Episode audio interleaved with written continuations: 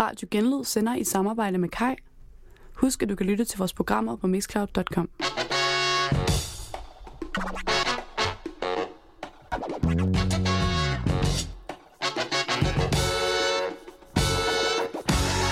I østlige Ukraine stiger spændingerne mellem styret i Kiev. Well, after leaving the European Union uh, last Friday, the United Kingdom is now in a so-called transition period. नमस्कार मैं हूं धर्मेंद्र आप देख रहे हैं online news India Busy weekend to unpack. Bolshevik Bernie Sanders is now the unquestioned, undisputed, without a doubt, clear frontrunner in the Democratic primary. Il coronavirus affonda le borse mondiali. Emmanuel Macron a choisi un quartier de Mulhouse pour dévoiler les premières mesures. Die Neonazis am Samstag Vorbereitungen für eine Demo. What the cutting locust left, the swarming locust has eaten.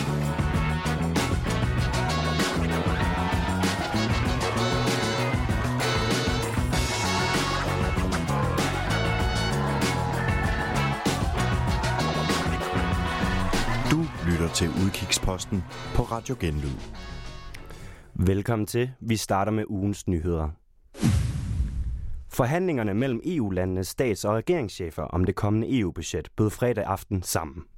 Forhandlingsparternes store uenighed bunder i, om der skal betales mere til EU, efter at Storbritannien har meldt sig ud, og dermed har efterladt et stort hul i EU-budgettet. Med den nuværende aftale betaler medlemslandene 1% af bruttonationalindkomsten, og det, det mener mindretal af landene skal fortsætte i den næste rammeaftale, der skal fortsætte til 2027. Disse lande tæller Danmark, Østrig, Holland og Sverige, som populært kaldes sparlandene. Et flertal af EU's medlemslande, især ledet af Polen og Ungarn, mener, at medlemslandene skal betale mere, end de gør nu, så landbrugsstøtten forbliver, som den er i fremtiden. Sent fredag aften præsenterede formand for det europæiske råd, Charles Michel, et kompromisforslag, som var på 1,069 procent af BNI, men dette kunne ikke samle partnerne. Parterne forventes at møde igen til forhandlinger, men der er endnu ikke fastsat en dato for dette. Dog skal der helst findes et kompromis inden udgangen af 2020. Den amerikanske rigmand og ejer af Amazon, Jeff Bezos, vil give 10 milliarder dollar, svarende til 69 milliarder kroner, til at bekæmpe klimaforandringer. Investeringen blev efter sine lavet efter et pres fra Amazons ansatte, hvor de i september sidste år demonstrerede mod ledelsens manglende ansvar over for klimaforandringerne. Pengene bliver skudt i en fond kaldet Bezos Earth Fund, og de 10 milliarder dollars udgør ca. 8% af Jeff Bezos samlede formue. Investeringerne i den grønne omstilling starter ifølge Bezos til sommer. Mindst ni personer er onsdag aften blevet dræbt i to skudepisoder i Tyskland. Det første skyderi skete omkring kl. 22 onsdag aften, da en gerningsmand åbnede ild ved en vandpibecafé i byen Hanau i den tyske delstat Hessen. Derefter kørte han til en anden vandpibecafé i byen Kesselstadt, der ligger i det vestlige Hanau, og fortsatte skyderiet. Gerningsmanden blev fundet i sin forældres hjem, hvor han og hans mor begge var døde af skudsår. Myndighederne meldte først ud, at episoden vil blive efterforsket som terror. Sidenhen er gerningsmandens hjemmeside blevet fundet, hvor han har udgivet et antimuslimsk manifest, hvilket bekræfter politiets terrorefterforskning af sagen. Et andet tilfælde fandt sted Tyskland, i Tyskland mandag, hvor en 27-årig mand kørte forbi afskillige afspærringer og direkte ind i en stor folkemængde, der fejrede fastelavn. Episoden skete i den tyske by Folkmarsen i Hessen. Politiet har i dag opjusteret tallet, så antallet af kvæstet er 52. Herunder er 18 børn. En gigantisk græshoppesværm raserer lige nu store dele af det centrale og vestlige Afrika. Sværmen, der er på størrelse med Lolland, bevæger sig 150 km hver dag og spiser alle de afgrøder, der ellers skulle være brødfødt den lokale befolkning.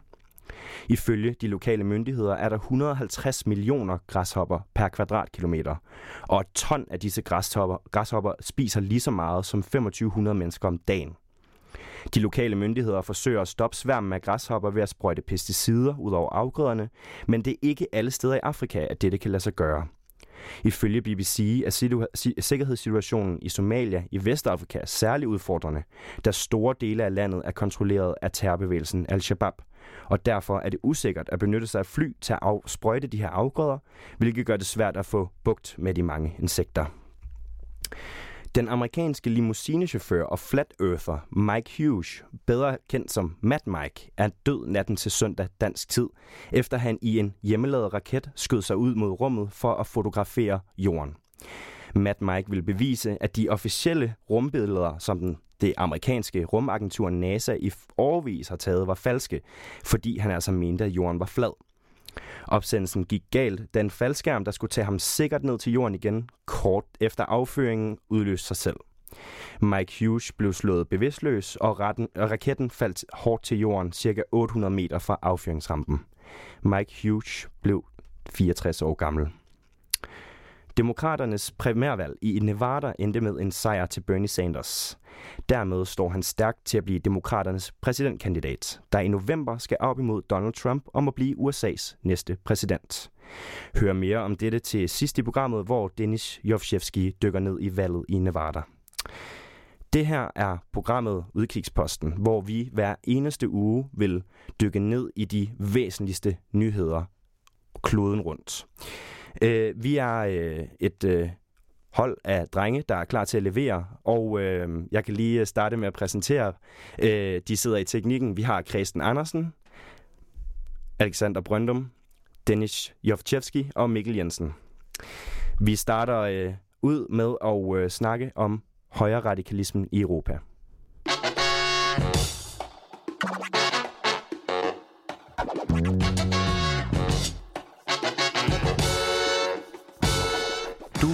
Til Udkigsposten på Radio Genlyd.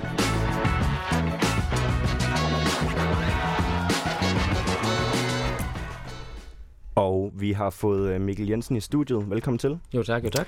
Vi skal øh, dykke ned i en af disse øh, nyheder, som jeg netop har læst op, nemlig det skudangreb, der har været i Tyskland i den i sidste uge, øh, hvor i alt ni blev slået ihjel. Mm-hmm. Øhm, politiet har jo efterforsket det som øh, et højere radikalistisk angreb med øh, et antimuslimsk øh, had, der ligger bag.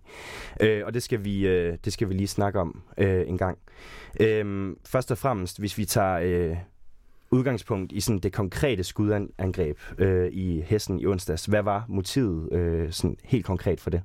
Man kan se på den video, som han selv har udgivet på YouTube, som så senere han er blevet taget ned, at han snakker faktisk direkte til amerikanerne, øh, som, er, som er ret interessant, hvor et, øh, han også nævner det her med, som er et meget øh, anerkendt begreb her i, i højere ekstremisme, det er det her med en deep state, som handler om, at, at den her konspirationsteori om, at der er en hemmelig stat, der ligesom styrer samfundet.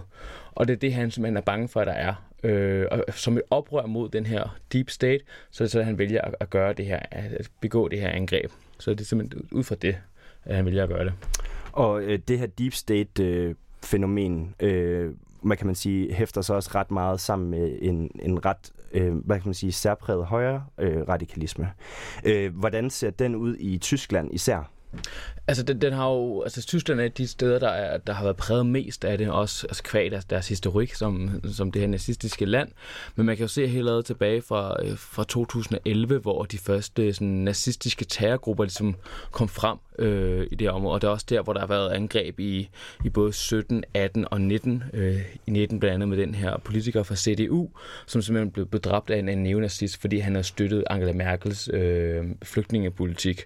Så der, der er en, en ret hæftig historik i, i nyere tysk historie også, for, for op gennem 10'erne og, og til nu egentlig, hvor det højre ekstremisme ligesom har præget Tyskland og, der, og deres politik helt generelt, i den måde, de debatterede det på os, som også kan se med for eksempel AFD's fremgang osv.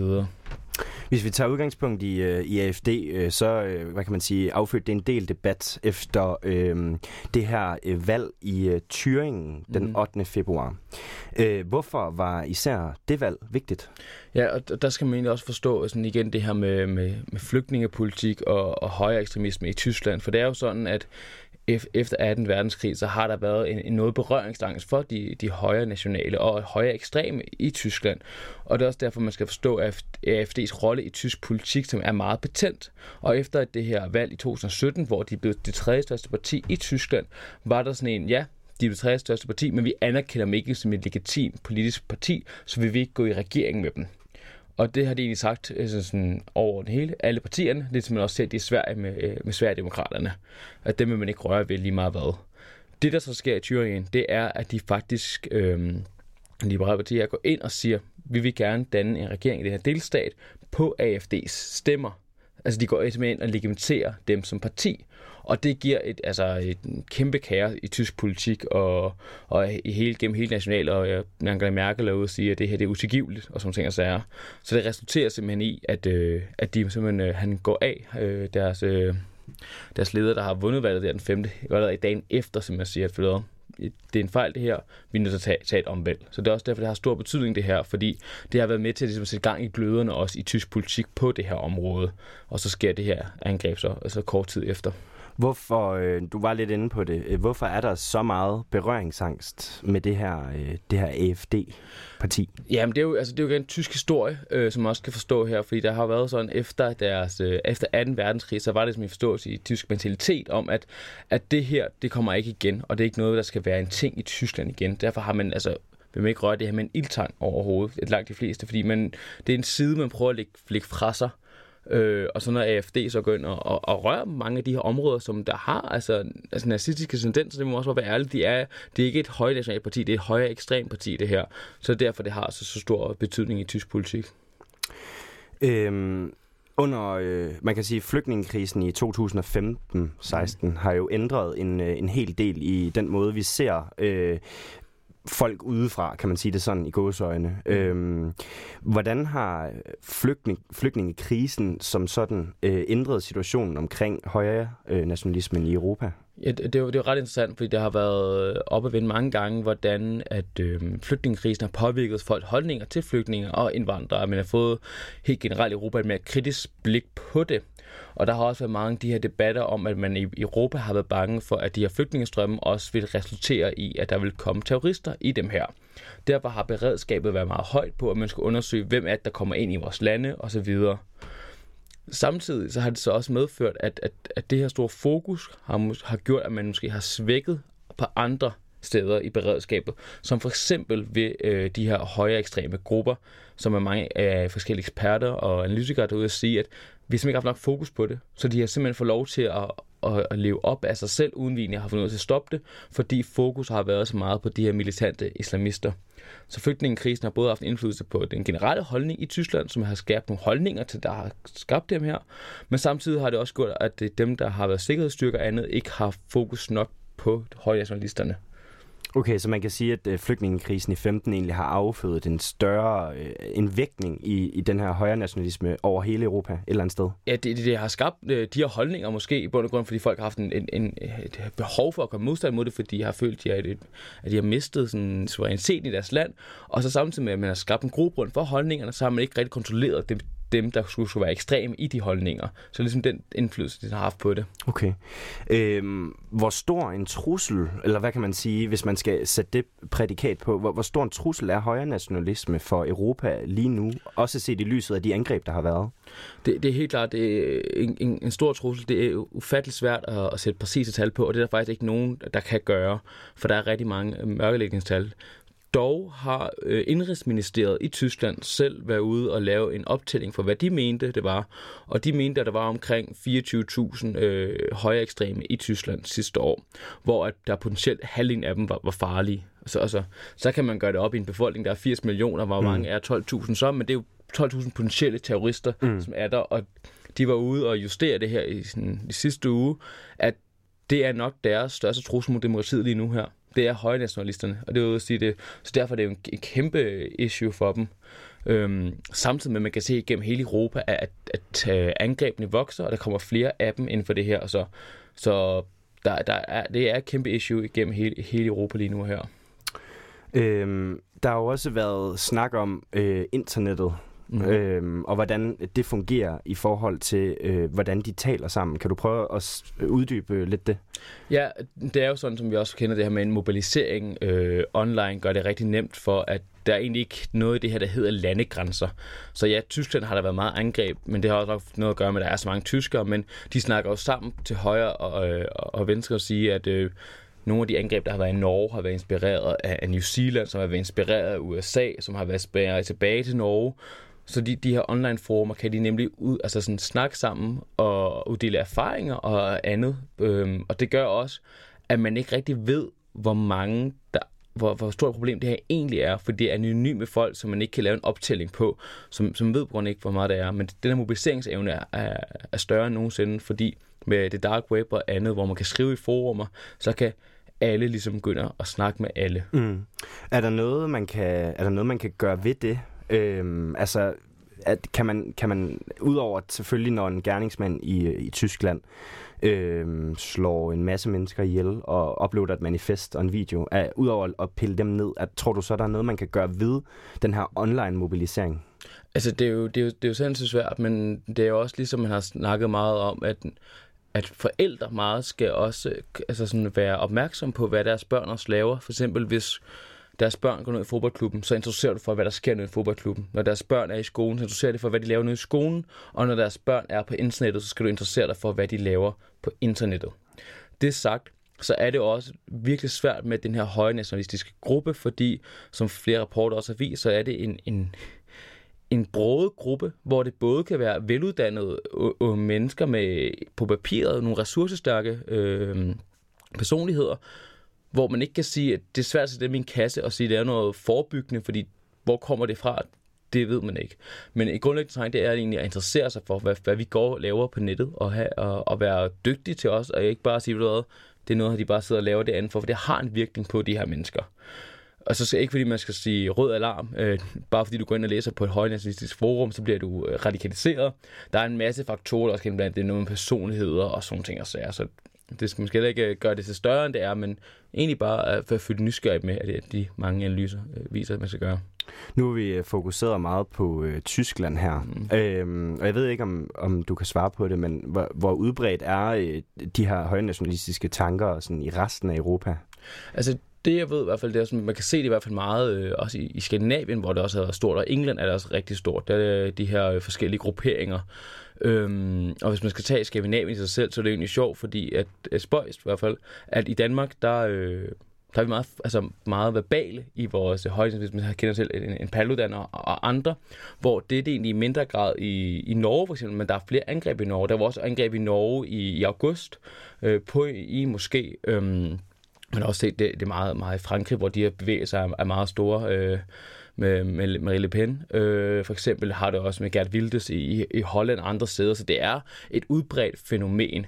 Øh, og så kan det også nogle gange altså være svært at skildre det her, skildre med, fordi når man siger Gert Wildes, man siger Marie Le Pen og, og så videre, så er det jo også høje nationalister, ikke nødvendigvis ekstreme høje nationalister. Så det er også det der med, hvordan man præcis definerer det, men det er et issue i, i langt de fleste lande, og når man også spørger, ikke fordi man skal lave øh, igen, øh, faresignaler, men hvorfor det egentlig ikke, vi har haft et angreb i Danmark endnu, som man ser mange af i Sverige, og ser også en del af dem i Norge, så er det måske på grund af noget tilfældigheder. Fordi man kan også se, at, at, at for eksempel var der et, et stort leak fra en, fra en hjemmeside her for, en, for, nogle, for et års tid tilbage, et halvt års tid tilbage, hvor man så, at der var 20 danskere, som var, var aktive inde på de her grupper, som faktisk forsøgte at arrangere øh, angreb.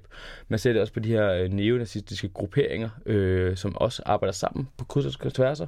Vi har set det på Aarhus Statsgymnasium, hvis man ser en helt lokal vinkel på det, hvor der har været lagt flyers ud omkring de her ting og sager, hvor at man gerne vil ja, have udryddet en, en race. Altså sådan noget, altså, altså, det, det bliver mere og mere synligt over, sådan, over alt, hvor vi egentlig går i bund og grund. Og det peger også lidt hen i det sidste spørgsmål. Øh, det er, hvordan er fremtidsudsigterne, tror du, for, øh, for, for den her bevægelse? Øh, bliver den bremset på et tidspunkt, eller øh, ser du den som værende øh, fremadstormende? Altså man kan håbe, at nu, når øh, Tyskland og andre går ud og siger, at det er deres største demokratiske problem, Tyskland og PT, eller Danmark og PT har for eksempel også fået lavet en sikkerhedsvurdering, hvor de også har sådan taget det fra et, et middeltidigt til et højt niveau. Så der er en større fokus på det nu her. Men problemet er stadig, at man ikke rigtig ved, hvad man skal gøre. Øh, men man kan sige, altså i fokus er det trods alt en god start på det, og så, må, så jeg tænker, at øh, det er i hvert fald det første skridt i, i den rigtige retning, at man anerkender, at der er et stort problem her, og at terrorisme kan komme på mange forskellige øh, fløje, øh, om det er venstrefløjen, højrefløjen, eller hvor det kommer fra, så er øh, ekstremer det, de farlige, og det, det er lige meget, hvor de kommer fra. Mikkel Jensen, tusind tak for det. Og øh, med det, så øh, skal vi lige snakke en øh, lille smule om delstatsvalget i øh, Nevada.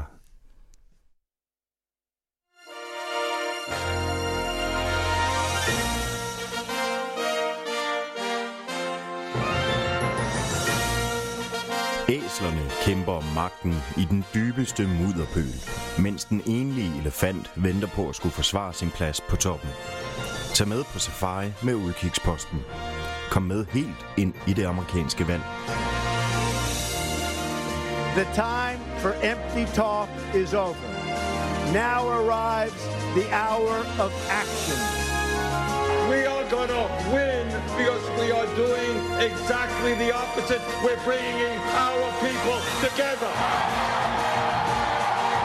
A billionaire who calls women fat broads and horse-faced lesbians. And no, I'm not talking about Donald Trump. I'm talking about Mayor Bloomberg.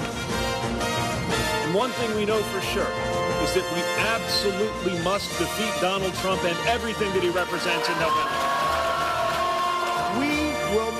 America great again. Og nu skal vi snakke om øh, det amerikanske valg. Øh, primært øh, demokraternes primærvalg, som er øh, overstået i lørdags i Nevada. Og i studiet har jeg øh, Christian Andersen Hej. og Dennis Sjovchevski. Og øh, vi tre skal jo snakke en lille bitte smule om øh, det amerikanske valg. Øh, fordi det er øh, rigtig, rigtig spændende for tiden. Øh, Dennis, øh, må jeg starte med at spørge dig, hvad, øh, eller hvordan er det gået i øh, delstatsvalget i Nevada? Delstatsvalget i Nevada er jo gået virkelig overraskende. Altså, det er jo gået utrolig godt for øh, Bernie Sanders, som har fået et øh, forspring over alle de andre øh, kandidater. Og han endte jo med at få cirka 40% af stemmerne, øh, som er dobbelt så meget som den næste, Joe Biden. Og Joe Biden har jo været øh, favoritten de sidste års tid for demokraterne, men han har fået to nederlag, både i Iowa og øh, New Hampshire, hvor både Pete Buttigieg Buttigieg. Buttigieg, det beklager. og Bernie Sanders øh, har kæmpet øh, om førstepladsen. Men ja, den her gang så er det gået utrolig godt for Bernie, og altså, Nevada er også en stat, som har øh, mere broet øh, demografi som resten af landet. Og det viser også, at han både har the Hispanics, og han har de sorte, og han har øh, de hvide arbejdsklasser øh, i ryggen. Ja, fordi det var jo en lille altså, kritikken af øhm, de delstatsvalg, eller ikke kritikken, for det kan du ikke være, fordi sådan er tingene, men øh, delstatsvalgene i Iowa og New Hampshire viser øh, måske ikke det mest demografiske øh, side af, af USA, hvor der primært bor øh, hvide øh, amerikanere i de to stater. Øhm, hvad med øh, delstatsvalget i South Carolina på lørdag? Hvem tegner sig sådan som vinder der allerede nu? Delstatsvalget i øh, North Carolina, eller South Carolina, er jo virkelig spændende. Fordi det her, hvor at øh, Joe Biden står som den store vinder, og det har han gjort igennem det hele. Øh, og det er jo meget fordi, at 60% af de, de øh, demokratiske vælgere i South Carolina er afroamerikanere. Øh, og Joe Biden har store øh, støtter for dem, blandt andet fordi han har været øh, Barack Obamas højre hånd igennem otte år. Øhm, og han er stadig foran i øh, de seneste målinger, men Bernie Sanders haler ligesom stille og roligt ind på ham, og han kan ende med at blive den store vinder. Men vi ved det ikke endnu. Til gengæld, hvis Joe Biden vinder den her, så er det et comeback for ham i forhold til øh, Super Tuesday den 3. marts. For det viser over for hans økonomiske støtter, at han ikke er helt ude af gamet endnu. Ja, fordi hvad er det reelt øh, problemerne er for Joe Biden? Det er efter de her to nederlag i New Hampshire og Iowa, og en lunken, det er jo så ikke en lunken andenplads, men han fik kun 20% i forhold til Bernie Sanders 40, det er, at de økonomiske støtter stille og roligt forsvinder fra ham og går mod Pete Buttigieg. Buttigieg. det må vi ville vende os ja. til. Øhm, og mere Bloomberg. Hvis jeg må byde ind her, så ja. noget af det, der er interessant omkring uh, South Carolina, der virkelig viser, hvor stort et, et, et, et, et, et hvor stor en indhentning Bernie Sanders er ved at lave på øh, hvad hedder han, Joe Biden. Jamen så for, for, for et halvt år siden, øh, der, der stod Joe Biden til i de her øh, i delstatsvalget i South Carolina til at få godt 47 procent af de demokratiske stemmer. Øh, og den seneste meningsmåling fra i morges, der viser den altså, at øh, hvad hedder det, Joe Biden han er nede på omkring Øh, 30,2 procent, øh, som regner med at sætte deres, øh, deres kryds ved Joe, øh, Joe Biden, og Bernie Sanders er op på 22,8. Så, så, så den medvind, som øh, Bernie Sanders han har fået fra Iowa, New Hampshire og øh, selvfølgelig Nevada med den her, øh, ja, hvad kalder man det, jordskredssejr, han har fået der. Det, det er altså også noget, der sætter gang i, øh, i, øh, i omvæltningen forud for det her South Carolina-valg, øh, hvor, hvor første debat jo er i aften, øh, i nat, dansk tid, at, øh, at, den bliver, øh, at der bliver debatteret som vi selvfølgelig øh, følger med i, det det er klart. klart. Øhm, og, og man kan sige, at den her medvind, øhm, den, det betyder jo meget, øh, ser det ud til, øh, i forhold til både de meningsmålinger, der er, og også de øh, både meningsmål, der var før øh, valgene i Iowa og New Hampshire, øh, hvor øh, Bernie Sanders ikke stod til at få øh, sejren nogen af stederne, øh, men hvad, øh, hvad, kom på en, en, en anden plads i Iowa og en førsteplads i New Hampshire. Øh, hvad er det, Bernie Sanders gør så rigtigt i hans kampagne? En ting, jeg ser, som er øh, virkelig vigtigt, det er, at han taler ind i den samme hvad skal man sige, form for agenda, som Donald Trump gjorde for fire år siden, og som han stadig til dels gør. Det er den her anti-elite og anti-establishment stemme, han ligesom har. Han kommer som en outsider og siger, det her, vi skal ikke have mere af det samme, vi skal have noget nyt. Og han kommer med nogle slogans, som hidtil har været, øh, altså har ikke har været i amerikansk politik. Not me, også. Han kører meget den her socialdemokratiske stemme, som øh, er meget illeset i USA efter den, igennem hele den kolde krig og efterfølgende. Øhm, og det er ligesom den han ligesom øh, stemme, han har mobiliseret, især gennem de unge, og igennem øh, arbejderklassen, og igennem øh, hispanics, gennem afroamerikanerne, alle dem, der føler, at de har været ude for samfundet, eller ikke har været en del af eliten og the establishment i Washington D.C. og de andre store byer. Det er ligesom dem, han har mobiliseret sig, og hvis han kan blive ved med at gøre det i de kommende stater, så, altså, så steamroller han direkte til øh, valget mod Donald Trump. Vi skal så bare heller ikke glemme, at de tre stater, der er øh, overstået nu, nu øh, New Hampshire, Iowa og, øh, og Nevada, de er, som vi også har været lidt inde på, de er specielle i en amerikansk kontekst. Altså New Hampshire er Bernie Sanders øh, nabostat, han er senator i Vermont, det betyder helt sikkert noget. Øh, Iowa altså vi snakker en stat, øh, som er øh, 95% hvid, øh, og det er øh, også primært dem, som Bernie Sanders har stået stærkest ved. Og så snakker vi Nevada, som er øh, virkelig en, unionized state, som man taler om. Altså det er virkelig en stærk fagforeningsstat. Øh, og det er nogle af de vælgere, som Bernie Sanders selvfølgelig virkelig slår ned på. En mand, der altid har været meget pro-union. Øh, så, så, så, så det er også lidt en drømmestart for Bernie Sanders. Øh, og det er også derfor, at øh, South Carolina bliver så ufattelig spændende at følge med i, fordi det er mere en, øh, øh, en, en brodet stat på, på rigtig mange måder.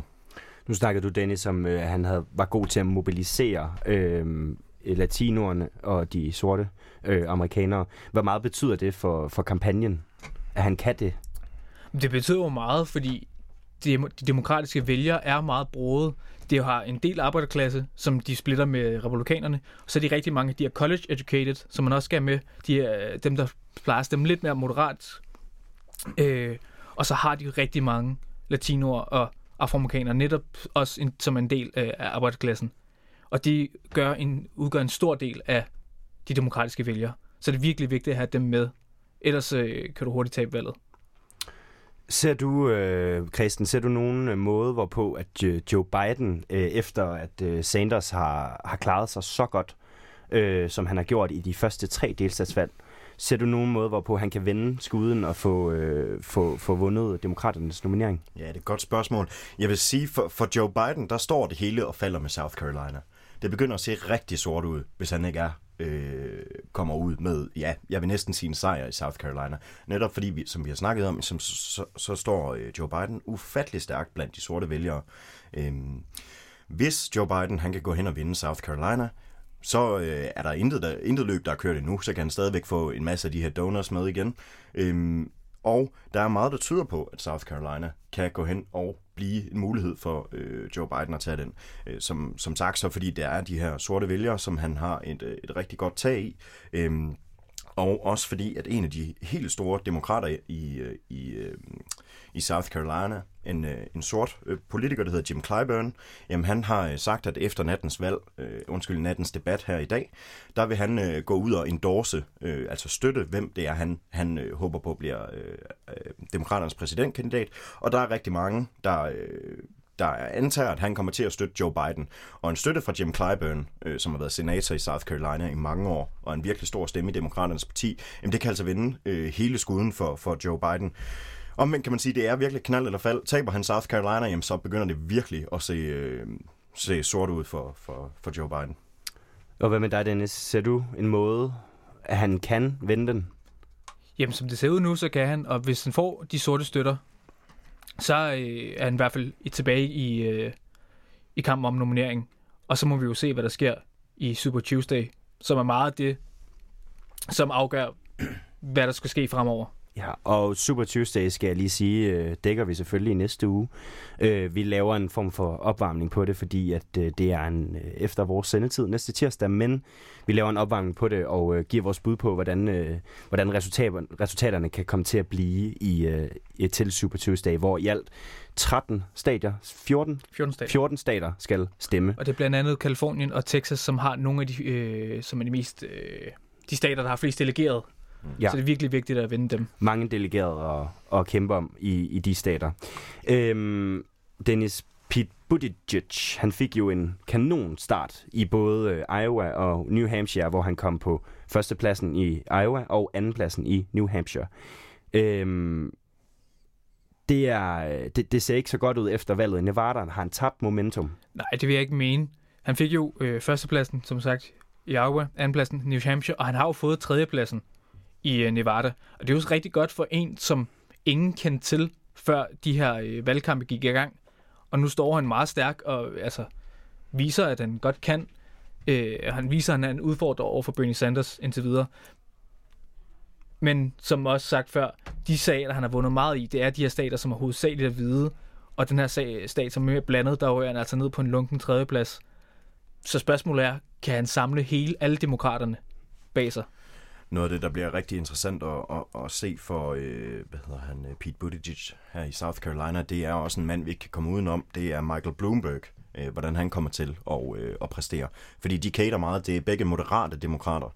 Øh, og Michael Bloomberg, han begynder jo først at... Øh, øh, hvad hedder det, øh, virkelig gå ind i valgkampen nu her, øh, og har ligesom valgt ikke at, og, hvad hedder det, øh, ja, deltage i valgkampen øh, det første lange stykke tid, og fokusere simpelthen på de her stater, der er øh, utrolig mange delegerede at hente i. Øh, så, så det er også en mand som Pete Buttigieg, han skal op og konkurrere imod, som simpelthen har en, øh, nu har vi jo ikke snakket om ham tidligere, men en udtømmelig, uudtømmelig, øh, hvad kan man sige, øh, bank til at køre sin valgkamp fra, som den 9. rigeste, mand, 9. rigeste mand i verden. Mm. Øhm, og det er virkelig en, som Pete Buttigieg, han, øh, han skal frygte i, i de kommende valg. Er det, øh, hvis man skulle øh, ende med at stå med to demokrater, eller det to moderate demokrater, er det så, er det, så øh, er det de to, det står mellem øh, et eller andet sted? Øh, findes der andre alternativer til de to, hvis man bevæger sig længere ud mod midten? Altså, der er jo, øh, der er jo også Amy Klobuchar og, og Tom Steyer, som, som, som ligger mere moderat end både Elizabeth Warren og, og Bernie Sanders selvfølgelig gør, som ligesom repræsenterer den her venstrefløj i demokraterne. Øhm, så, så det er faktisk inde omkring midten, at det hele det klumper lidt sammen. Øhm, og det er også noget af det, der gør, at, øh, mener jeg, at Bernie Sanders, han står så ufattelig godt i øjeblikket. Det er, fordi han ligesom er en unik kandidat ude på venstrefløjen, hvor at, jeg tror, der er rigtig mange vælgere, der, vælger, øh, der ligger inde omkring midten i demokraternes parti, øh, som venter og ser på, hvem er den første, der, der dropper ud. Og lige så snart vi ser, øh, om det bliver Joe Biden, eller hvem det er, der er den første, der ryger ind fra den moderate del af demokraterne, jamen så er der jo selvfølgelig en hel del vælgere, som bliver nødt til at gå hen og sætte deres stemme på en anden moderat demokrat. Øh, og det kan jo give noget, noget uventet momentum til, til en, en kandidat, vi ikke ved, hvem er endnu. Og så skal jeg høre dig, Christen, øh, som jeg tænker, jeg hører begge to, men vil du give et bud på, kan øh, Bernie Sanders slå Donald Trump? Hvis han ender med at vinde øh, demokraternes nominering? Ja, det tror jeg godt, han kan. Øhm, det tror jeg ikke, han gør. Hvad, hvad, hvad, hvad vil du uddybe? Ja, det vil, det vil jeg gerne. Altså, jeg tror egentlig, at øh, jeg tror egentlig, at den her øh, socialistprædikat, øh, den er ufattelig svær at komme over for Bernie Sanders, når vi kommer ud på, på øh, i, de, i, ja, i den nationale præsidentvalg. Jeg, jeg, jeg tror, den bliver meget svær øh, for Bernie Sanders at overkomme. Jeg tror, den bliver meget nem for Donald Trump at, at slå ned på øh, og bruge som en, hvad kan man sige, øh, ja, et, et værktøj mod, mod øh, Bernie Sanders. Jeg tror stadigvæk, det er en øh, svær kamel at sluge for mange amerikanere at skulle stemme på en demokratisk øh, socialist, som han selv kalder sig, øh, Bernie Sanders. Øhm, men altså selvfølgelig kan det lade sig gøre. Hvad vi har set fra, fra Bernie Sanders det sidste stykke tid, det har været ganske overraskende, så man skal bestemt ikke øh, afvise noget nu. Og lige den der del, den kan vi jo dykke ned i et senere program, altså hvad den kolde krig og McCarthyismen og sådan noget har gjort ved, ved amerikanernes, øh, hvad kan man sige, tankegang omkring øh, dem, de, de kandidater, der ligger længere ude på, på fløjen. Øh, Dennis, kan han slå Donald Trump, og er der andre, der kan slå ham, hvis ikke det skulle være Bernie? Jeg ser Bernie som en af dem, der i hvert fald kan gå hårdt til Donald Trump, for de taler ind igen den samme agenda, øh, og de taler til den store samme vælgegruppe, til dels i hvert fald øhm, så er vi ude igen. Kan vi komme over den her øh, gamle socialistprædikat? Øh, og så er det også lidt en generationskamp jo, ikke i forhold til kandidaterne, for de er jo begge to øh, tusse gamle, men i forhold til dem, der stemmer på dem. Fordi Bernie Sanders har godt fat i dem, der er 18 til 50, men lige snart vi bevæger over os 50 års alderen, så er det mere de moderate demokrater og republikanerne, folk sætter deres kryds ved. Så det viser også meget, altså den her splittethed mellem øh, gammel og ung, der er i øh, amerikansk politik, og til et andet øh, spørgsmål, så tror jeg, at Joe Biden er den, der har næste chance lige nu, som det ser ud lige nu i hvert fald, hvis han vinder South Carolina, til at slå Donald Trump. Og Ja, det er vel også netop de unge, som er dem, der er dårligst til at komme ud til de her polling stations og få sat deres kryds. Og, og hvis vi skal købe den her øh, generationskamp mellem Donald Trump og Joe Biden, øh, undskyld, og Bernie Sanders i, i vælgergrupperingerne, så er det jo et, øh, en udfordring for, for Bernie Sanders at få øh, mobiliseret den her unge vælgerskare. Ja, hvad, altså, er der noget specielt, man skal gøre for at få for, for de unge øh, ud? Øh, kunne det ikke godt være en kandidat som Bernie Sanders, som ligesom taler ind i, i hvad, hvad, de, hvad de virkelig tror på, de unge i USA? Kunne det ikke være, være svaret på at få dem til at komme til afstemningerne? Jo, man kan sige, at det kan næsten ikke være nogen anden. Nej, det kan nok ikke være nogen anden, men der er ikke noget, der er ikke noget man kan gøre ekstraordinært for at få de unge ud. De er bare mindre, mere apolitiske, mere apatiske. Altså, så det, altså, måske er Bernie kandidaten, der kan få dem ud, men det, altså, det er svært at sige nu. Øhm, og øh, jeg tænker, at vi øh, runder af for øh, dagens øh, udgave af vores øh, USA-analyse. Øh, vi øh, går et øh, smut videre, og vi vil øh, lade øh, Alexander Brøndum komme i studiet og tale om en øh, ukendt leder.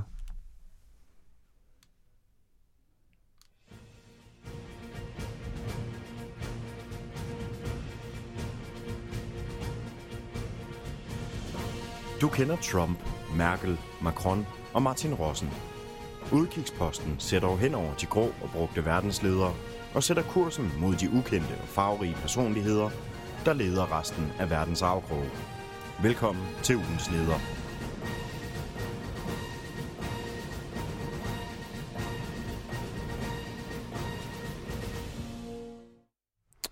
Og øh, vi har øh, haft lidt øh, udskiftning i studiet. Jeg er her stadig, og øh, vi har fået Alexander Brøndum ind i studiet. Ja. Og vi har Mikkel Jensen tilbage. Yes. Øh, vi skal snakke om øh, en af de verdensledere, øh, som man ikke nødvendigvis kender. Øh, og det gør vi, fordi at øh, som vi også så snilt siger i, i, i introen, så er det typisk de samme europæiske og, hvad kan man sige, de store økonomiers øh, verdensledere, vi hører om. Men der er så mange fede verdensledere rundt omkring. Og øh, vi vil fortælle historien om en af dem i dag, og det er primært dig, der står for det. Alexander Brøndum, hvem ja. skal vi høre om i dag? Jamen, vi kan jo starte med at sige, hvilket land vi skal til, inden vi sætter portrættet i gang. Øhm, vi skal jo øh, vi skal syd på, vi skal øst på, og vi kan godt lige for langsomt små den her musik op, små den op. Fedt. vi skal, vi skal egentlig finde et land, der er i, sådan, i midten af hele kaoset. Vi har noget Rusland op nordpå, og vi har noget Iran lige under, Afghanistan lige under os, og noget Tyrkiet, der grænser op til det her land. Vi skal nemlig til øh, Turkmenistan. Ja, den lig- ligger jo, kan man sige, som du siger, lige lommen af alt. Ja, blom i dæk. Blom i dæk, ja. ja. Øh, og, og måske lidt øh, alle de forskellige ingredienser i gryden har vi også fået en, en smuk. Vi fortsætter bare, vi kan godt skrue lidt ned. Bare lidt ned, det er så fint. Vi fortsætter øh, med øh, præsidenten, så nu er der Øh, den siddende præsident. Jeg prøver at udtale Jeg prøver lidt at at skubbe det. Men øh, vi skal snakke om øh, Gurban Guli Badi Mohammedov. Perfekt. Ja, ja smuk mand. Ja. Og jeg tænker, at vi skal tilbage med, til oprindelsen med det samme. Øh, han blev født den 29. juni i 1957 i Babarab. Øh, med en far, der både var fængsels- og øh, politibetjent. Men så løbende i løbet af... Øh, jeg tror, vi kalder ham for øh, Gurban fra nu af. Øh, Han tager en uddannelse på øh, medicinstudiet i 1979 og kommer ud som tandlæge. Øh, og Gurban han er åbenbart en fremragende tandlæge, fordi karrieren den tager hurtig fart, og der han har haft så lige en Ph.D. i Moskva, fordi... Altså allerede det, jeg hører her, det er altså en, der bryder den sociale mobilitet. Altså far, han er fængsel, fængselvagt og politibetjent, og ja. han tager sig en Ph.D. i medicin. Ja, men han skal, han skal langt længere end farmand, altså, Ja, det er klart. det skal han ville. Og han skal lige forbi Putin hurtigt også. Han skal lige op og lære nogle tricks, og dem får vi at se senere. Øh, og så bliver han en del af det medicinske institut i 1992. Men han skal hurtigt videre. Der går kun tre år, så bliver han leder for tandlægecentret under Sundhed og Medicinministeriet. Det kan han lige klare i to år, og så i 1997, så bliver han sundhedsminister. Simpelthen. Øh, det, det er nogle lidt store spring, vi har at gøre med her. Og i 2001, der er han formand for ministerne, hvilket egentlig sådan i praksis betyder, at han er blevet vicepræsident. Øh, og, og, altså vi snakker om en mand, der i øh, 92 færdiggjort sin Ph.D., og så i s- 2001, 11 år senere, der er han vicepræsident.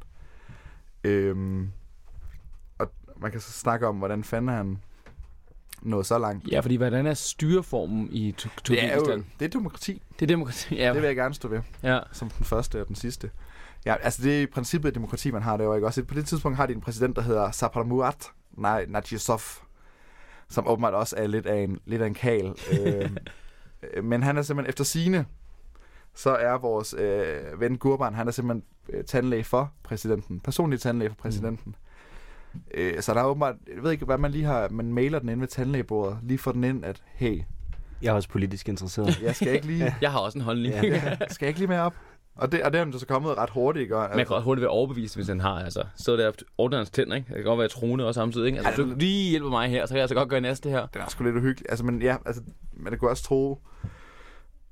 eller man, man kan sige, at det er nok lidt en, en typisk ting i uh, Turkmenistan, at man, man, uh, man skal være venner med præsidenten for at komme langt. Uh, fordi der sker så det, at i, uh, i 2007, der dør den kære præsident. Og så er proceduren jo, som i andre lande også, at vicepræsidenten, han bliver, uh, hvad hedder det, aktiv præsident, indtil der er valg. Mm. Øh, og der bliver kort tid efter hold- afholdt valg. Og normalt så er der en regel, der siger, at ham, der går ind som, øh, hvad hedder sådan noget? Som afløser. Som afløser, Ja. øh, på grund af afdød øh, præsident, han må ikke stille op. Men, men der blev lige fikset lidt. Der er blevet trukket Så nogle han fik lov til at stille op. Og nu kan der jo komme anklager om, at der ikke var nogen opposition, og der var ikke nogen modstandere. Og det er løgn. Der var seks andre kandidater. De kom godt nok fra samme parti. Øhm, og man kan jo gætte sig frem til navnet, men jeg kan godt sige det højt. Det er det demokratiske parti fra Turkmenistan. Og det er som om, at det er et faresignal hver eneste gang. med noget med demokrati. Når man hedder det. Når, når der er demokrati i navnet, når man bruger for det, så har man et problem. Så, så, så skjuler man noget. Jamen det er det. Og så sker der egentlig det meget hurtigt i den her valgkamp, at øh, op- oppositionen, det vil så sige kandidater fra samme parti, de forsvinder, de forsvinder ikke sådan fysisk fra landet, men de trækker sig langsomt, og han ender egentlig med at vinde med 89 procent af stemmerne. Også imod... Som vi i Danmark vil kalde jordskred. Ja, jordskred sejr. Det er pænt, det er et pænt valg. Det, ja, det, Jamen, det er ikke engang hans rekord. Hvad er hans rekord? Kan vi, ved vi Den det? kommer vi til. Nå, vi kommer så til bliver det. han jo Okay. præsident. Og i starten er han lidt... Øh, udadtil virker han lidt som en good guy, fordi øh, efter den tidligere præsident, som også var en led kal, så har han øh, genåbnet øh, internettet. Øh, censurfri, kalder han det i hvert fald. Og så forlænger han skoleårene fra 9 til 10 år. Han tillader igen, at man kan dyrke sport i skolen. Øh, statsansatte, der ikke er etnisk turkmenere, de bliver genansat. Den gamle, han havde fyret dem. Okay. Okay. Øh, fordi det var lidt... Det var ikke rent nok. Øhm, og så gav han faktisk 100.000 borgere deres pension tilbage. Fordi den tidligere præsident øh, havde annonceret, at der var øh, finanskrise på et tidspunkt, uden at sådan sige, hvor pengene manglede. Men han var så nødt til at sige, at vi er nødt til at lige at tage. Der mangler nogle penge i kassen. Ja, og så tog han pension for 100.000 øh, borgere. Og så har øh, den kære Gurban også øh, genåbnet forskningsakademier, som også var blevet Det lyder meget positivt, udenbart. Det, det lyder pissegodt. Altså, Ja. ja. der er ikke noget galt med ham her. Han lyder da som en, en held. Mm. Øh, men det er bare ikke alle, der er enige om, at han er en, en held. Øh, så bliver han jo også genvalgt. Og der kan man jo begynde at snakke om jordskredssejr, hvor han øh, vinder med 97 procent Ja. af stemmerne i 2017. Hvor røg de sidste tre hen? Det er Ved vi ikke- det? Jeg tror, det, Det røg til det demokratiske republik. Ja. Det var spild. Eller- Simpelthen. eller- Ja, men simpelthen, og, øh, ja, og der var simpelthen 98 procent af borgerne, der mødte op til at stemme. Øj, Det, det, det er faktisk en god... Det er Øh, rigtig flot. Jeg Truer de folk til at stemme derovre? Det kunne jeg ikke forestille mig. Får man bøde, som man gør i Belgien? Det, det ved jeg ikke. Jamen, der må næsten, men det kunne jeg, jeg tror bare, at de er ivrige efter at Ja. stemme på deres præsident. En Ja. dejlig fyr her. Øhm, og der sker jo også Gode det, borgere. Ja. Jamen, de er da glade, han har gjort en Ja, masse gode det ting. kan jeg godt forstå. Øhm, godt nok ligger Få pensionen tilbage. Turkmenistan ligger stadigvæk øh, på 160. plads ud af 180 lande på listen over øh, frie demokratier.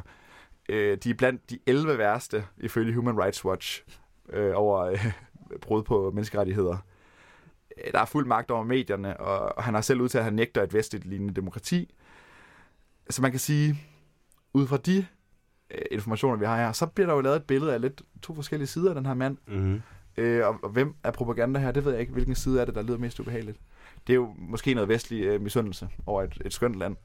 Øh, og Jennifer Lopez er Men egentlig man også... kan jo også godt forstå det som leder jo. Altså, hvor vil man helst gerne være leder henne? I stedet, hvor man er diktator eller demokratisk valgt. Der er mest svung over det første. Men han, han er ikke diktator, det vil jeg Nej, gerne. det er- han er demokratisk valgt. Øh, Så forstår jeg ikke dit, Nej. dit kritik der, men det er fint nok. Hvad siger du med Jennifer Lopez? Hvad siger med hende? Udover at hun er en skøn dame, så øh, har hun også sunget fødselsdagssang for Gurban tilbage i 2013 til et sponsor Det er arrangement. så fedt lavet. Ja, hun var nødt til at sige undskyld, fordi hun havde ikke lige læst op på menneskerettighederne. Og det forstår man ikke. Hun gik direkte fra Turkmenistan til Super Bowl. Ja. Eller, ikke direkte. Der gik lige nogle år. Men så har vi glemt det igen. Ja, ja. Altså, ja. det er så vi alle sammen Det er glemt det med igen. menneskerettighederne. Ja. Ja, han fortjener da også en fødselsdagssang. Hun ja, har virkelig fået en god hyre for det, tror jeg. Jeg tror, hun er glimrende hyre. Og hun, ja. også, altså, hun slap for det hele igen ved at sige undskyld bagefter. Så man kan sige, på en eller anden måde, så har jo alle vundet i den sag. Han fik sin sang jo. Og så i august samme år, som Jennifer Lopez sang fødselsdagssang for ham, så suspenderede han sit eget parti. Fordi øh, ifølge ham selv, quote, øh, så vil han gerne fremme flerpartisystemet. Mm. Og Hvad, det, skal, jo, hvad betyder hvad, altså, det, det betyder jo, at indtil nu, så har vi haft et demokratisk parti, som pretty much har haft alle procent af stemmerne. Og der er de andre partier er enten blevet lukket hurtigt, og de er ikke rigtig eksisteret. Så det han gjorde, han sus- suspenderede sit eget parti, sådan at de andre kunne få mere plads, og der kunne ligesom komme flere partier. Det er i hvert fald hans, øh, Mm, hans- øh, holdning. Man kan også argumentere for, at måske der er nogen i baglandet, som ikke var tilfredse med manden. Øh, man, det strider lidt mod hinanden, at de bryder så mange menneskerettigheder, og så samtidig så går de ind for øh, smukke flere Ja, fordi sådan noget, mm. men igen, hvis du også kigger på Rusland udefra, de får også altid sådan få til at lyde som om, det er dem, der gør de gode ting og sager, ikke? Så har han nok været en bagtanke med det med flertals øh, partisystemet. Altså, han har beholdt magten, som man ja. kan sige. Det, Det det ikke kan være, der har været noget bagland, som ikke har helt øh, været tæt på at tro ham med magten eller andet. Det ved jeg ikke. Han har også nogle procent at afgive af, før han ligesom begynder at tabe. Ja. tabe Ja, der er langt ned til... og, så, og så er vi slet ikke nået til, til den sprøde side af vores, af vores kære mand her. Og det skal vi egentlig til nu. Jeg vil egentlig gerne lige starte med at spille et, øh, et YouTube-klip. Og jeg har den også med her, så I lige kan se med. Men lad os lige få spillet lyden derude fra i hvert fald.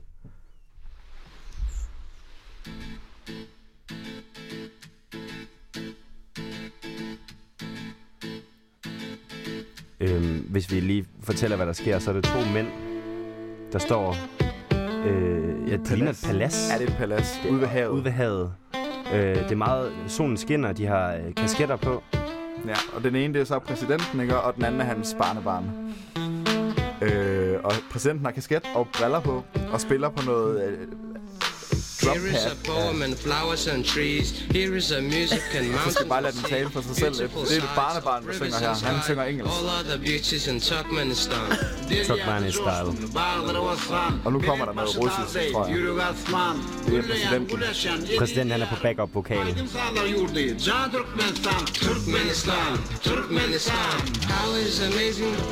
Det er den bedste form for uh, promo, promotion Og det er for sit land. Og vi kan godt skrue lidt ned igen nu. Øh, det må godt køre lidt bagved, føler jeg. Øh, som inspiration Ja. til livet. Han er simpelthen øh, kunstner ved siden af. Han er sanger. Han synger øh, ikke bare årligt, han synger flere gange årligt til diverse arrangementer. Han er både DJ, rapper og sanger egentlig. Han kan både spille noget, der minder om Dansk Top. Øh, vi har simpelthen ikke tid til at høre det hele, men der, altså, han kan det hele. Jeg synes, beatet her fungerer. Det gør det. Ja. Og det vi så ikke kan se i det her klip, det er, at der er ikke noget publikum, der klapper, for det er jo en music video, det her. Men, men de klapper bare. Det kan jeg, godt. jeg ved ikke, om de tør lade være. Men han har fuld opbakning. Om, og så er der nogle kritikere, der vil mene, hvis man kigger videoen ordentligt igennem, at når han trykker på tasten, så gør musikken ikke rigtigt. Det men, samme. men, men det vil jeg gerne afvise med det samme. Det må være Det er noget, bare dårligt kamera. Det er dårlig videokvalitet. Det er tv-mandens skyld, og han er nok blevet henrettet. Så vi kan tage det helt roligt der. Og han er egentlig ikke... Han er noget af en kulturgård for ham her, fordi han kan sgu også godt lide vedløb. Han rider selv. Ja. Han, er, han har fået, andet har han fået en, en hest af den indiske øh, leder. Hvad hedder det over præsident? Ja. Ja, han har simpelthen fået en øh, sadel som gave.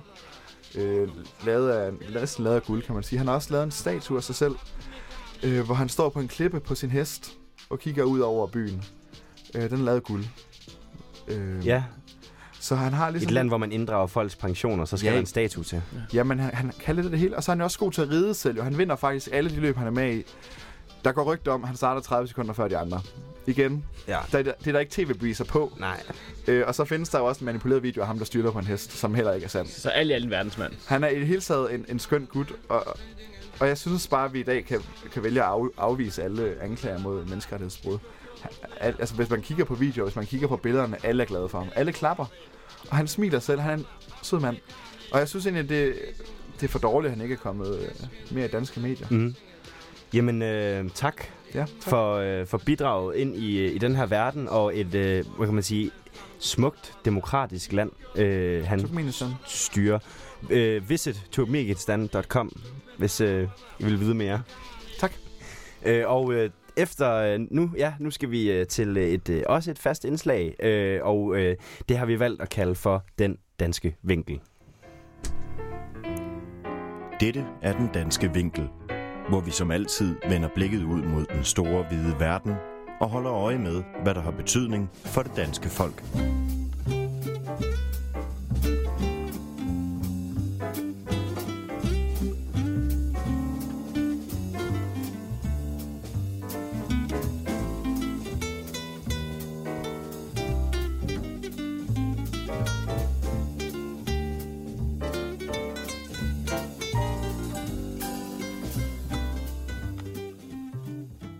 Ah ja. Sådan der. Sikke en dejlig jingle. Øhm, som alle, alle medier øh, i det danske land, så vil vi også øh, bringe den danske vinkel på en af de øh, historier, der er op i tiden. Øh, man kan se det her indslag som lidt af, kan man sige, bagsiden af en avis. Øh, øh, den det humoristiske take på en af de mange nyheder, der har været. Og øh, det er dig, Dennis, som vi har fået i studiet igen. Ja. Brøndum, du er her stadig. Jeg blev. Ja. Øh, og øh, Dennis, hvad skal, vi, hvad skal vi høre om i dag? Jo, men der er to store nyheder, der har fyldt rigtig meget på øh, de danske nyheders hjemmesider. Og det er, øh, det er to forskellige, men jeg har valgt at slå dem sammen, Mhm. mm-hmm. fordi at det er samme Mhm. mm. område. Og først, så er det ligesom de her, det handler om de kanariske øer. Ja. Og den seneste uge, så er de blevet ramt af hele to ulykker, og det er virkelig, altså det er næsten tragisk, vil jeg sige. Du ved, først er øerne blevet ramt af massiv sandstorm. Der er vind fra Sahara, der har taget det her røde øh, sand og bare virvlet det ind i en øh, dystopisk øh, fortælling. Og ødelagt øh, afskillige danskers øh, Flyene er, altså flyene er jo blevet øh, grounded, som det hedder på engelsk, øh, fra lørdag til og søndag. Øh, først mandag blev det ophævet. Trafikken er kaos. Der er naturbrænde, der er blevet forværret. Og som om det ikke var slemt nok i forvejen, så på Tenerife, øen ved siden af Gran Canaria, mm-hmm. Mhm. der skulle coronavirus. Åh, oh, for helvede. Og øh, for dem, der ikke kender corona- coronavirusen, så er navnet ikke bare inspireret af øllen. Det er faktisk rigtig farligt. Ja, en slem, slem influ- influenza. Det er en Øh, influencer, der er sådan, du, du kommer i, din mor er sådan, åh, du er syg, og sådan, så mærker hun din pande, og sådan, uh, det er meget slemt, det er jo, vi skal næsten til lægen med det her. Hvis det er sådan, så gør det. Ja. Så tag til lægen, Ja. fordi corona er faktisk ret farligt. Ja. Der var en, øh, det var en italiensk læge, der havde øh, kommet på ferie i Tenerife, og han havde været syg gennem seks dage. Altså han starter, det er også bare nederen, han starter ferien, og så er han syg. Mm. Så er han på hotelværelset i seks dage, indtil han sådan, okay, nu tager jeg sgu til lægen. Nu har jeg mærket min pande. Jeg er læge. Jeg burde vide, jeg burde tage til lægen. Det er så mange gjorde dage han. som læge at vente med at gå til lægen. Altså, ja. Det er det, det, er det faktisk. Ja. Øh, men han var smart nok at gøre det, Ja. ja. hvor de var sådan lidt, uh, du skulle have faktisk kommet lidt før, du har corona. Ja. Og det er jo så nederen for de tusind turister, der boede på samme hotel. For ja, nu, for hele øen. Kan vi ikke... øh, Ja, altså Også for- hele øen for er øen. det træls, fordi at vi har en person, der faktisk kan ende med at smitte hele øen. Men... Jeg er stærkt uenig. Men, og det er jo også, men det, der er tragisk jo, det er, at de her tusind øh, turister, der boede på samme hotel, ja. de fik en seddel ind af døren om morgenen klokken 7, ja. cirka 7.30 måske, hvor der stod, hej, I er i karantæne. I må ikke forlade hotellet. Og det, er jo- det, det, og det her, så hvor det tragiske rigtig først sker, Ja. der boede danskere på det hotel. Nej, nej, nej, nej, nej. Hvor mange? Der er boet øh, muligvis øh, to med to børn. Det, der er boet, øh, det er jeg ved ikke, fire. øh, det er så de fire. Der boede måske tre. Tui var sådan, hmm, vi har tre danske turister. Det var forkert. De var bare på vej til hotellet. Okay. Så de blev kørt væk til et andet hotel, fordi øen er jo ikke under karantæne. Det er Nej, bare nej. kun de Endnu. fire uheldige danskere på det her hotel. Løgn. Og så for lige at vende tilbage til Gran Canaria. Ja, ja, fordi, der var sandstorm. Ja, jo. der var ja. sandstorm. Ja. For frygteligt for lokalbefolkningen. Og, Og det for... gik jo ud over Norwegian Air, Ej, SAS, ej. og gæt hvor de fly skulle hen. De skulle, De skulle ikke til Danmark. De skulle til Kastrup Nej, for pokker. Nej, nå, også en anden vej. Man kunne ikke komme på ferie heller. Og man kunne heller ikke komme på... Det er jo dobbelt tragedie, det her.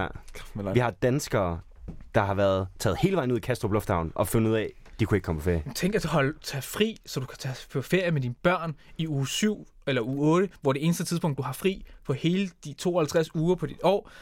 Og så skal du bare Sidde. være der, sidde derhjemme, fordi Ja. hey, der er sandstorm. Og dem, der bor der, det er nemt for dem. Det er deres hjem jo. Ja. De er De- jo trygge. Det er jo bare der, hvor de bor. De Ja, deres seng. sandstorm, det, kan, det er jo noget hverdag for dem. Men Helle for og os Peter- danskere, sandstorm, det har vi aldrig hørt om. Det, det er en dobbelt tragedie På nær The Roots. på nær øh, skud. Ja. Øhm, ved ikke, var, var der, kunne vi ikke spille det der klip med, eller er de, med de der to danskere? Det har jeg faktisk ikke fundet frem. Nej, okay. Det var coronaen, men Ja, nej, det er fordi DR har lavet et øh, fremragende interview med de her to, øh, altså de her danskere, der helt tragisk er, er, er spærret inde på deres hotelværelse på deres ferie. På deres ferie. Og hvis der er noget, med- danskere værdsætter allermest i livet, så er det ferie. De skal ned og ligge på skjoldet. Er der stadig uh, all inclusive, når man uh, har coronavirus? Altså, Det- eller, ja. Ja, øh, drikkevarer. kommer klip Vi får Der kommer- vide- Ja, vi får at vide, at den er klar. rejse hjem på fredag, men øh, det, det, det ved vi altså endnu ikke noget som helst om. Nej, for pokker. Skal de vente til længere? Et par, et par ekstra dage på ferie. Øv. Ja, der er sket det, at øh, jeg skulle på toilettet der ved syvtiden i morges, en ganske normal foretagelse, og opdager, at der ligger et stykke papir på gulvet inden for døren. Øh, jeg samler det op og kommer ind og får tændt lyset og, og læser, at øh, ja, altså, at vi er, vi er karantæneramte, vi må ikke forlade vores værelser, og sms. Ja. indtil sundhedsmyndighederne, Det er de spanske sundhedsmyndigheder har, har givet anden meddelelse, så er vi i karantæne. Og det er, hvad vi har fået at vide, og det er nu øh, cirka tre timer siden. Tre Ja, timer og på så, så har vi jo siden selv fundet ud af, at det er corona, at det er der italiener, der er boet på Ja. hotellet og så Og det videre, er- og så videre. Og Typisk. Det er typisk Ja. andre turister. Ja. De ødelægger helt ens ferie. Det tager også ens håndklæde fra Polen. Nå. Øhm, d- ja, credit til øh, DR, der har lavet det her fremragende interview Ja. med... Øh, Typisk italiener. Jeg hørte, ja. de spytter i maden.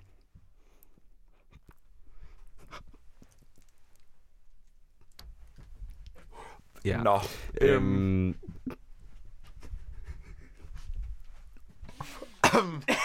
det var egentlig det for i dag, var det ikke? ja, øhm, der er øh, meget snart gået en time. Øhm, og øh, jeg ved ikke, øh, er, har vi mere, vi skal have vendt omkring øh, det her øh, virusudbrud på øh, Ej, jeg synes bare... hotellet på Gran Canaria? De skal bare hjem. Hvad hedder de? Det, sagde de det? Det kan vi heller ikke kigge igennem den her. Nå, øh, Jens og Marianne, altså, lad os få dem hjem. Jeg tænker, vi skal lave en kampagne. Så, få dem hjem. Få dem hjem. Få dem hjem. De skal hjem nu. Ja, Gud, det er jo værre end så meget. øhm, og Så øh, vi flygtninge hjem, før vi tager dem hjem.